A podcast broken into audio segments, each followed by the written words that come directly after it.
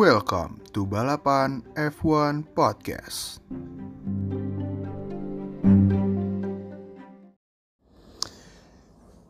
Yep, hello guys, welcome back to Balapan F1 Podcast. Um, ya, gue memutuskan untuk lanjutin podcast ini lagi uh, selagi F1 akan approaching salah satu season terpadatnya setelah off season yang paling lama dalam sejarah F1. Um, kita belum lihat balapan sejak Desember awal tahun lalu. Um, cuma dapet teaser dari preseason yang mana uh, kita juga nggak tahu peta kekuatan sebenarnya kayak apa di grid. And then yeah, now we are here, Austri Austrian Grand Prix. Setelah tiga setengah bulan yang lalu harusnya kita pertama nonton balapan di Albert Park. And ya yeah, tiga minggu ke depan akan diisi oleh uh, balapan F1 setiap minggunya. Break seminggu lalu diisi triple header lagi. Break lagi seminggu diisi double header. Jadi total uh, 8 balapan sekarang yang dikonfirmasi um, dua balapan di Austria dua balapan di UK di Silverstone um, satu di Hungary, satu di Catalunya, itu udah berapa tuh? Udah 6. Monza, and then satu lagi di anjir gue lupa. Adalah satu lagi pokoknya gue lupa di mana. Dan rumornya akan ditambah tiga track lagi uh, yang originally nggak masuk kalender F1 yaitu uh, Mugello, Algarve atau Portimao, Portugal, and then the legendary Imola. So, ya yeah, di podcast kali ini gak banyak sih yang bakal gue bahas. Paling uh, apa yang terjadi leading up to uh, Austrian Grand Prix minggu ini dan juga uh, paling sedikit pandangan gue tentang uh, potensi uh, tiga sirkuit baru yang akan dimasukkan ke kalender F1 yang menurut rumor akan masuk ke kalender F1 tahun ini gitu. So yeah, what's happening lately? Obviously, uh, Black Lives Matter, Black Lives Matter, BLM. Uh, ya Louis vocal banget sih soal ini di social media terutama dan dia juga sempat ikut uh, demo juga kalau nggak salah di uh, eh, UK tentang BLM ini dan eventually beberapa hari yang lalu Mercedes uh, mengeluarkan uh, keputusan untuk uh, menggunakan livery baru mereka. Jadi nggak uh, menggunakan uh, silver arrows color lagi untuk tahun ini. Jadi untuk tahun ini mereka akan uh, pakai mobil dengan uh, desain warna hitam. Dan juga rumornya uh, katanya sih race suit dari uh, Lewis and Valtteri bakal uh, all black warna hitam. Nggak nggak seperti original yang warna putih clean white gitu. Uh, kemudian juga uh, dari McLaren uh, gue ini rekaman hari Rabu jadi eh ini hari apa sih? Hari Rabu. Yes hari Rabu. Uh, dan tadi mereka meluncurkan livery bukan livery baru sih tapi lebih ke arah uh, sedikit tweak uh, dari livery mereka di mana uh, menambahkan aksen pelangi di mobil mereka untuk uh, celebrate uh, equality Pride Month and etc ya intinya uh, kesetaraan uh, hak lah dalam hal gender, racial, religion dan everything gitu. And yeah, I thought that was a good move too gitu.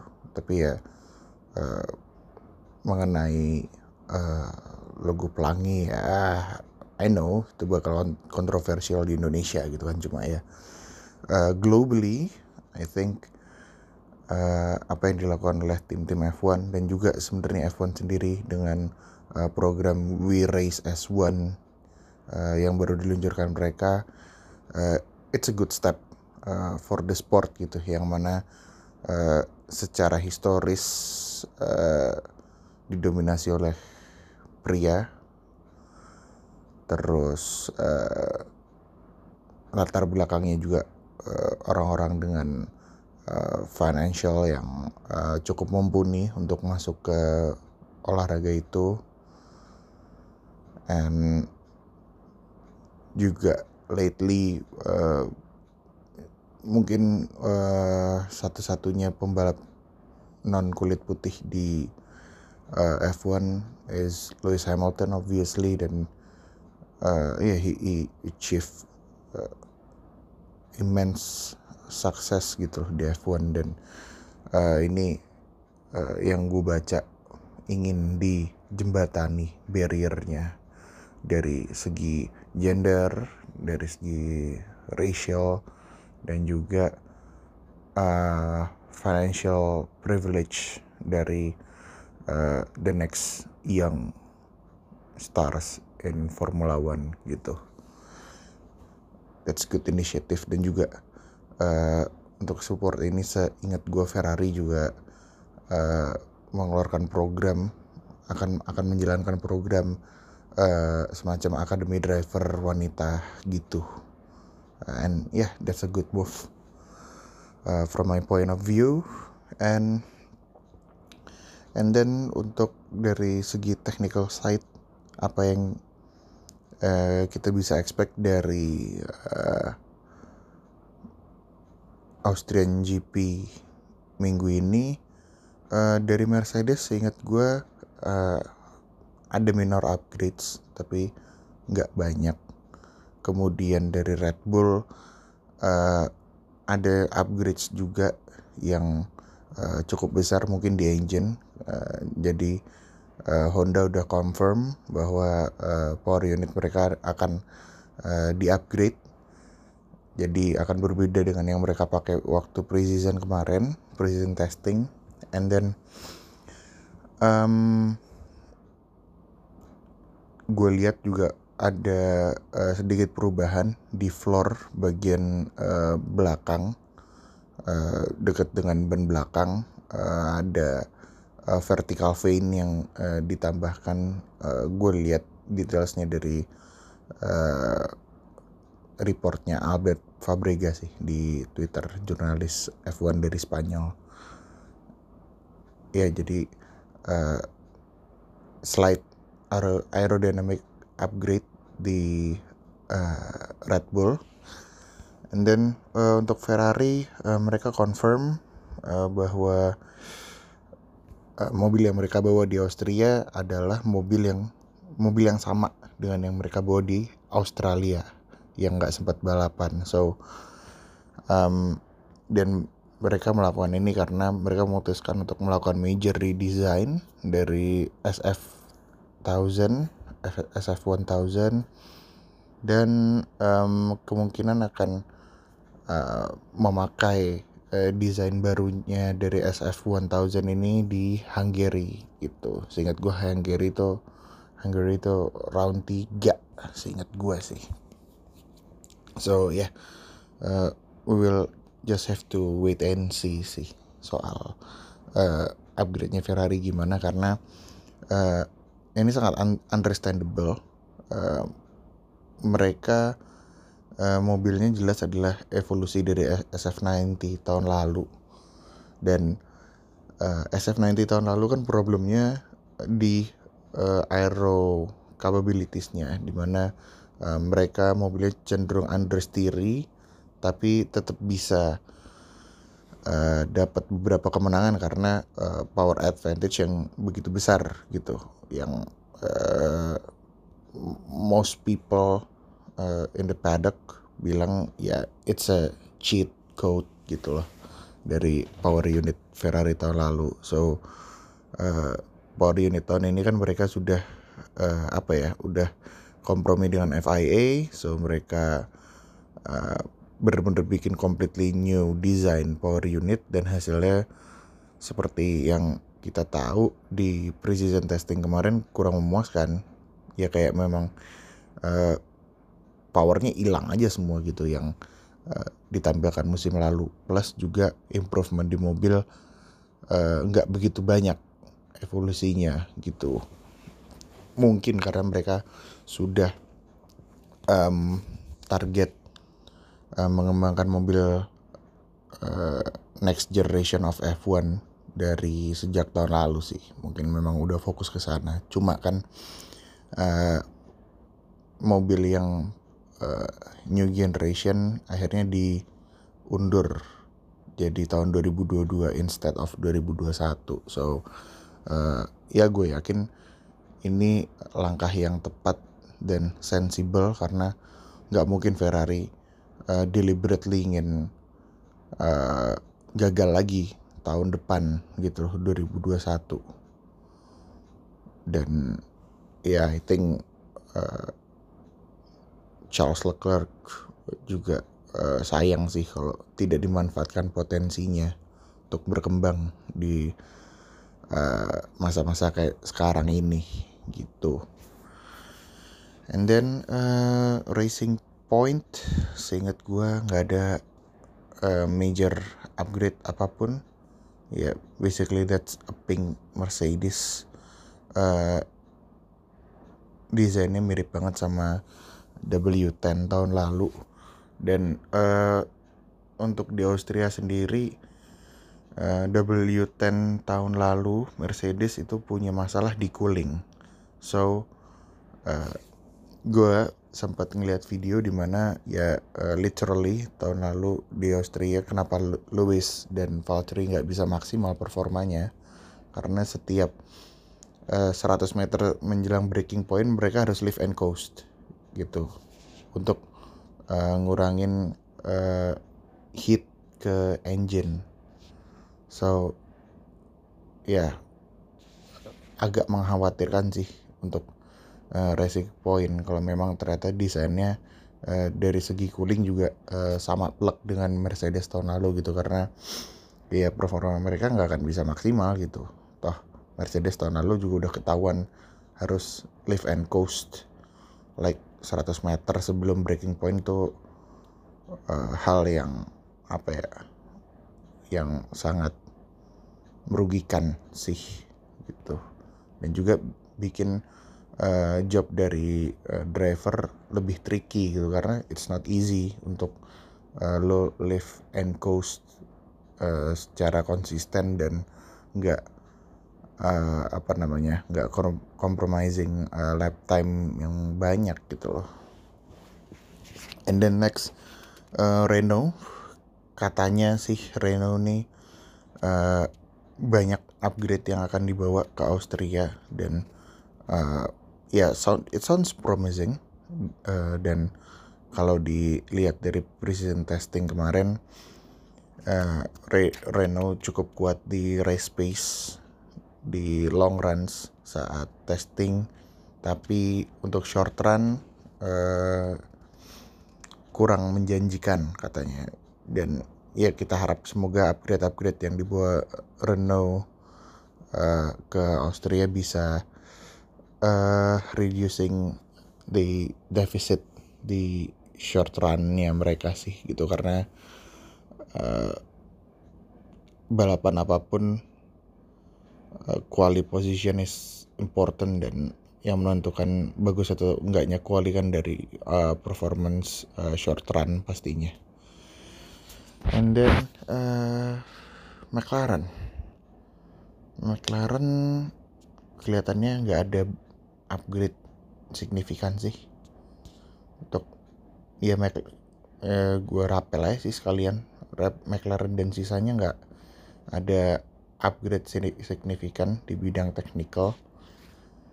Uh, dan juga ya paling McLaren yang uh, bakal terlihat beda dari precision ya liverynya pasti. Dan uh, ya Williams juga pasti akan terlihat sangat beda. Bukan karena mobilnya yang berubah bentuk atau ada upgrade aer aerodynamic enggak. Tapi lebih ke arah uh, karena mereka baru aja ganti livery setelah uh, Rocket Phones uh, cabut sebagai sponsor dari Williams yang sebenarnya juga masih agak misterius karena dari uh, pernyataannya Williams tuh seolah-olah mereka Williams yang uh, memutus kontrak uh, terhadap Rocket gitu. Uh, walaupun uh, pada nyatanya gue sih mencium uh, bau-bau ada klausul di mana uh, Rocket uh, Phones akan cabut ketika uh, sahamnya Williams akan dijual gitu timnya akan dijual gitu. karena kan uh, kemarin pengumuman cabutnya Rocket cukup immediate dengan uh, pengumuman bahwa uh, Williams is up for sale gitu. And then uh, ya kalau dilihat dari delivery terakhir nggak uh, akan ada warna merah lagi di uh, apa namanya di side pod. So warnanya nggak akan kayak uh, odol lagi, nggak nggak kayak Colgate tapi lebih elegan putih uh, polos dengan aksen biru dan uh, spot sponsor yang ditinggalin Rocket yang cukup gede itu sekarang diisi sama uh, Sofina and Lavazza yang mana dua perusahaan itu ya punya keluarganya Nicholas Latifi gitu. So yeah I think uh, dengan nambahnya investment ke tim uh, posisi Latifi cukup uh, bisa dibilang cukup aman lah mungkin untuk tahun depan walaupun kita belum tahu dia perform seperti apa gitu kan. Cuma uh, there, is no secret lah kalau Williams uh, jelas butuh duit dari pembalapnya juga gitu as driver gitu. And then uh, iya dari sisi perubahan mobil itu aja. Next gue uh, sebelum gue bahas tentang uh, calon sirkuit yang akan masuk kalender mungkin gue akan kasih prediksi uh, menurut gue dulu apa yang akan terjadi di uh, Austria minggu ini dan uh, Steiermark uh, Grand Prix minggu depan yang juga di Austria.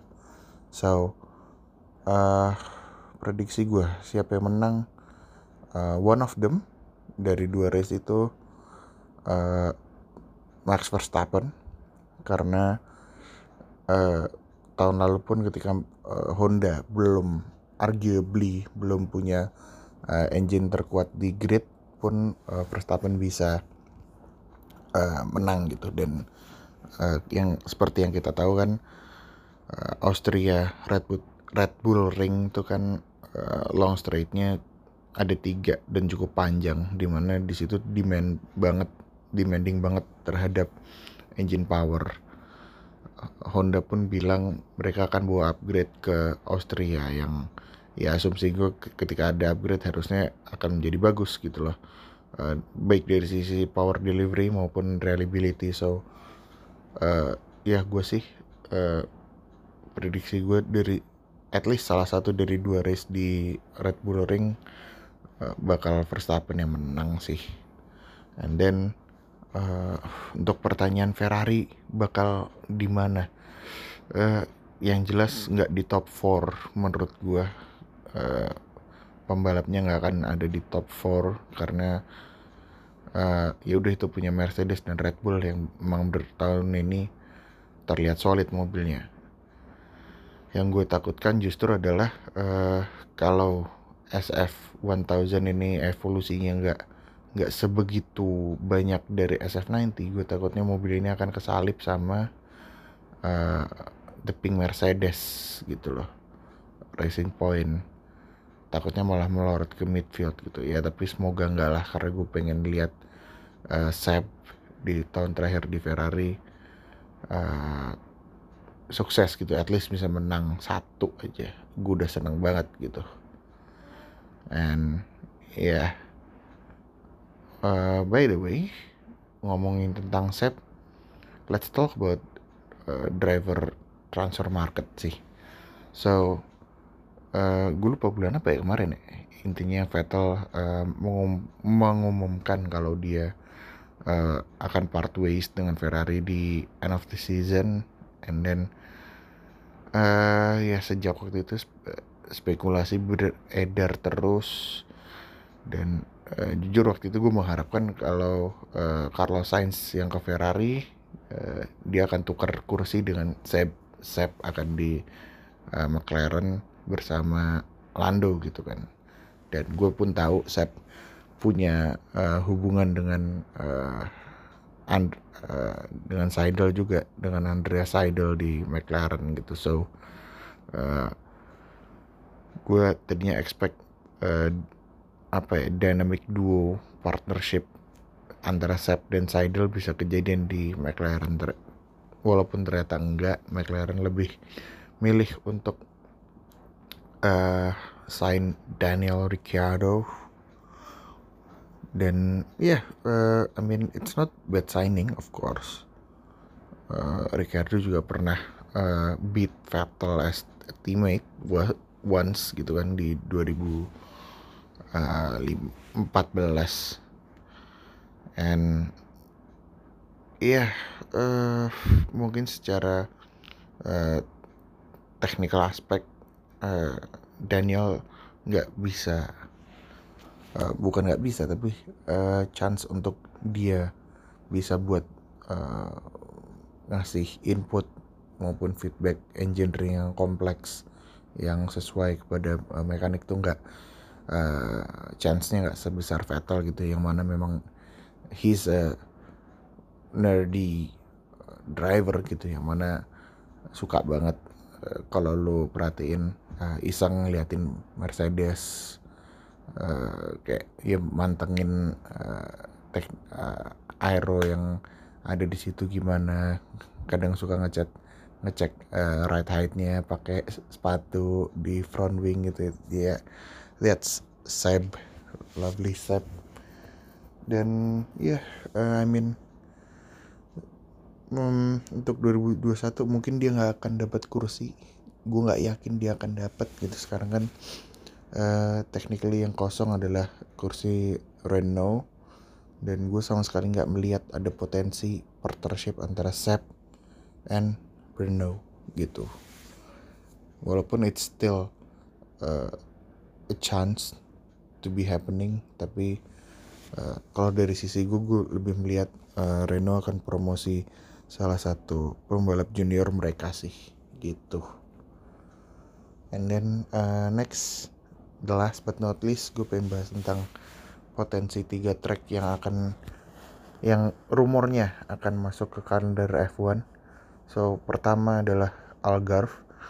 Uh, gue sendiri pun uh, cukup asing sama track ini. Gue tahu Algarve cuma gara-gara nonton Grand Tour episode pertama banget yang mereka bawa uh, Porsche uh, 918 uh, McLaren P1 dan La Ferrari ke Portugal ke Portimao Circuit gitu. Dan uh, kemarin setelah gue teliti lagi uh, ngeliat on board lap dari berbagai mobil di Portimao uh, yang bisa gue lihat adalah track ini bakal sangat exciting sih.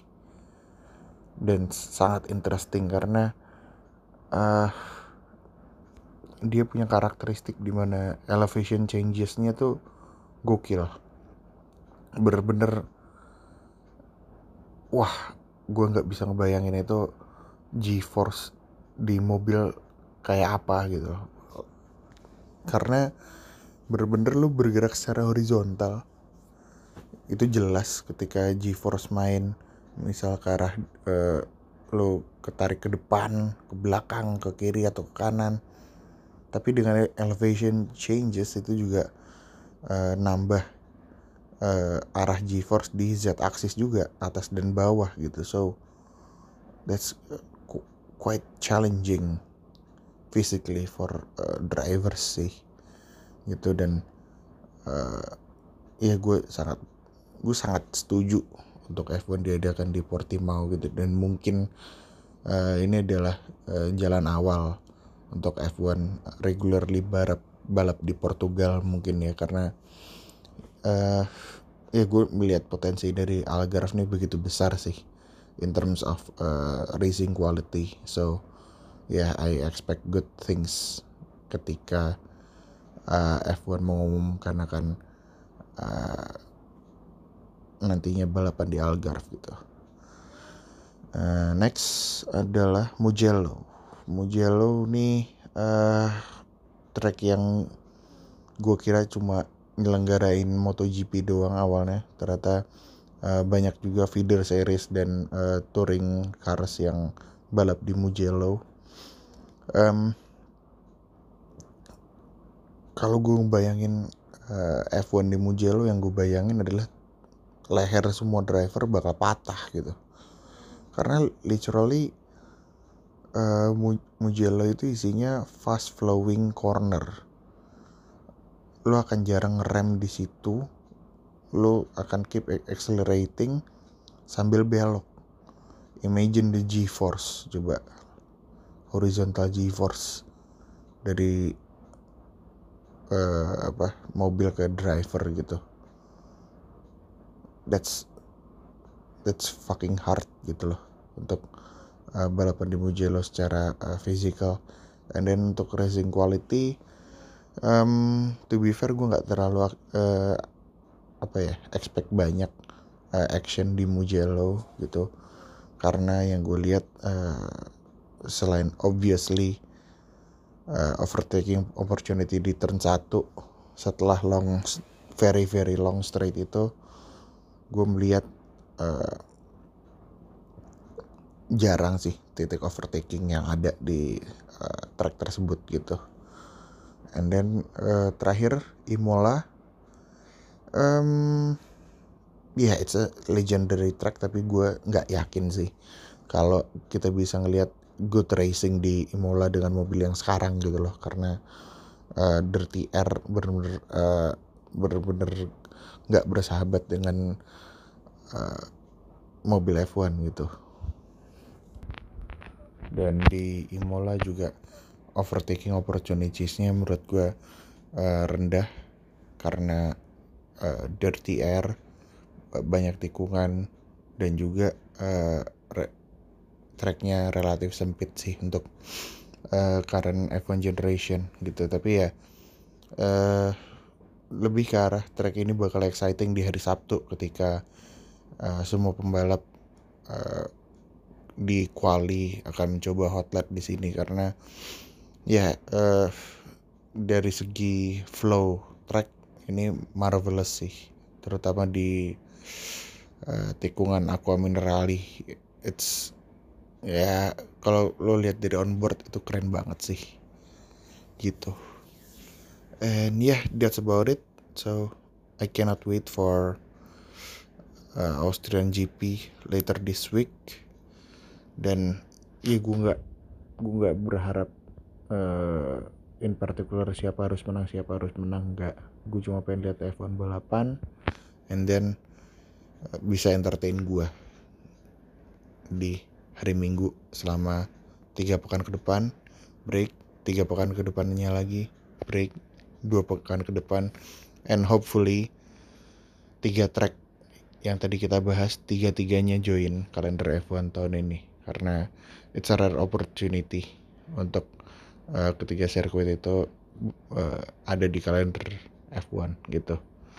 And yeah, that's it from me. Uh, thank you for listening. Uh, grazie ragazzi, ciao.